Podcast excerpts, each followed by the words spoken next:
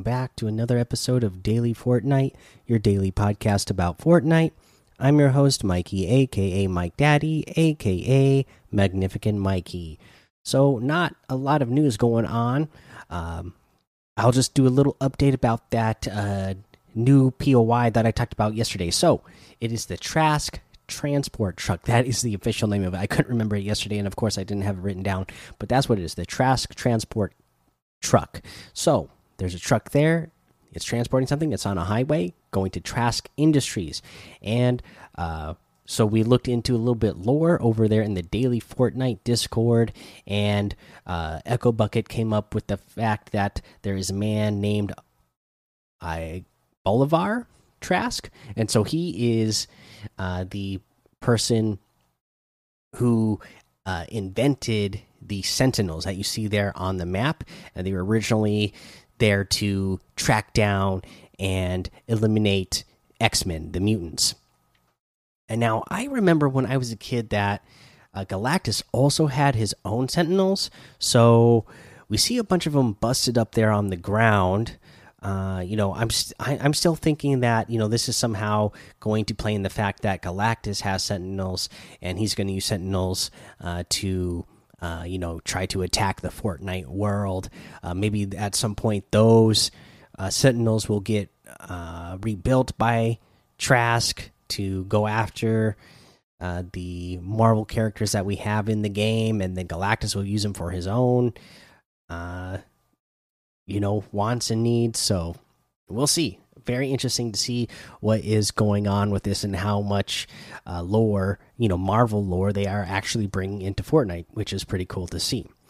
Uh, and another thing I just wanted to talk about is the 100% spawn rate uh, for chess and how, again, that is gone. We don't know the exact percentage, uh, but I just kind of wanted to throw this out there and how it just doesn't make sense that they would do that this season specifically you know, the last couple of seasons that we've had competitive Fortnite, it's been solos, and we've had 100% spawn rates.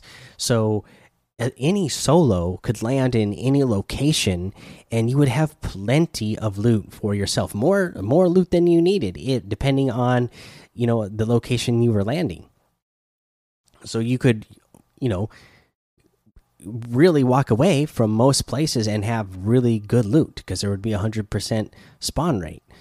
Uh, and now, now that they're switching a season over for competitive, now it's going to trios. It doesn't make sense that you wouldn't have a hundred percent spawn rate because you need enough material, you need enough loot for three people now. So, like I said, there's been a couple times now where I've landed uh, at a POI and went like through two or three buildings at a time and just got unlucky that round and didn't find a chest. Uh, can you imagine being a trio and you know, landing somewhere and not having any chests, that'd be horrible. Uh, and you know, it's unreliable. So I, really hope that uh, the competitive community, and I, you know, I, this would be one of the times that the competitive community and uh, them raising their voice could actually be good for the the the you know the casual community for once. But if you know if if they if they are loud enough and get the 100% spawn rate back one it just would make sense for competitive. And i would just like it a lot better as well as mostly a casual player.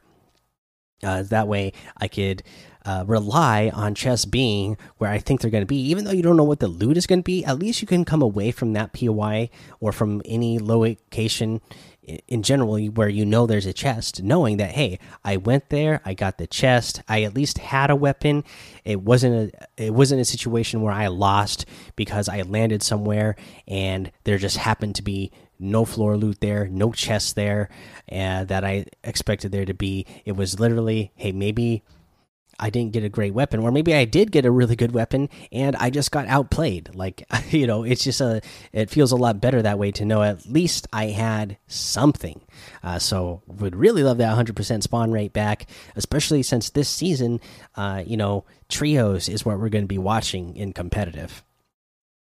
Uh, let's see here. Let's go ahead and talk about that weekly challenge tip, Doctor Doom. You need to eliminate Doctor Doom three times. Again, this is one that they put on there on the recommended list that you play with a squad to get this done. And I definitely uh, play with a squad to get this done. It makes it so much easier. And the way I want to tell you this one is for the tip. Obviously, you can get this done solos, but it's a lot easier to play with squads. And uh, the way you can make it even even easier is by uh, you know, maybe landing in teams of two, or if you guys, if you are all really confident and all are really good, you could land in four separate locations and try to find Doctor Doom. Because even though there is Doctor Doom's palace there, the little castle there, Doctor Doom is not always in there. He's kind of throughout the whole entire POI. He could be in one of the other houses. He could be over where that uh, helicopter uh, landing area is. Uh, he, could be anywhere in the POI, so it, it, makes it a lot easier to split up. I know I was playing uh, duos with my son, and we had a hard time because we we had a hard time just finding Doctor Doom and eliminating him before another team would. Uh, and then it became a lot easier when we split up and then uh, attempted the challenge instead of landing together at the same exact spot. That way, at least one of us would be guaranteed, or not guaranteed. Uh, we would just increase our chances by covering more ground of finding uh, Doctor Doom. So yeah, that's that's a way to get that one done. And obviously, if you have squads and if all four of you are confident enough to split up, uh, then yeah, you'll cover you know four times as much ground as you would if you were a solo. And uh, you know, once the the first person who finds Doctor Doom, you can signal out and tell your teammates, "Hey, I Doctor Doom's over here," and then everybody can rush over there and uh, help eliminating Doctor Doom if one person is struggling with it. But it's really not that hard to eliminate him once you find him. All right, let's go ahead and take a break here. All right, now let's go over today's item shop. Another really good one. You still have the surfer the silver surfer items that we talked about yesterday and the bundle, so I won't go over each one, but they are still here and they are still fantastic. Uh, we have the red jade outfit for 800 V bucks. I love this one. You have the uh, slumber outfit with the dreamer backbling for 1500. You have the nighty night harvesting tool for 800, the night flight glider for 800, and the dreamy wrap for 500. Uh, we have the Swamp Stomper outfit with the Swampy Sack backbling for 1200, the Swamp Slicer harvesting tool for 800, and the Swamp Scale wrap for 300. Uh, we have the Scarlet Serpent outfit with the Double Fang backbling for 1200, the Fearless Fangs harvesting tool for 500, the Sky Serpent glider for 800 the Leviathan outfit for 2000 that comes with the fish tank back bling. Uh, we have the Raise the Roof emote for 200, the Get Loose emote for 200, the Reanimated emote for 800, and the Renegade outfit for 800. Back in the game again. This is, uh, you know, that what the second time in the last couple of months that it came back in the item shop now, and that's usually one that uh, wasn't here for a long time. So uh, people are getting their chance to get that now. We also have the new Violet Tentacles wrap. This is really cool. So it is, again, very dark purple violet color, and then like a bright neon uh, white and purple uh, jellyfish at the end of the item with the tentacles hanging down and then when you have a weapon, whenever you fire your weapon, it's really cool because the the uh, jellyfish gets even brighter and the tentacles get brighter uh, as well. They kind of glow and uh, animate. So really cool looking. I actually am a really big fan of this wrap. But anyways, you can get any and all of these items using code Mike Daddy M M M I K E D A D D Y in the item shop, and some of the proceeds will go to help support the show.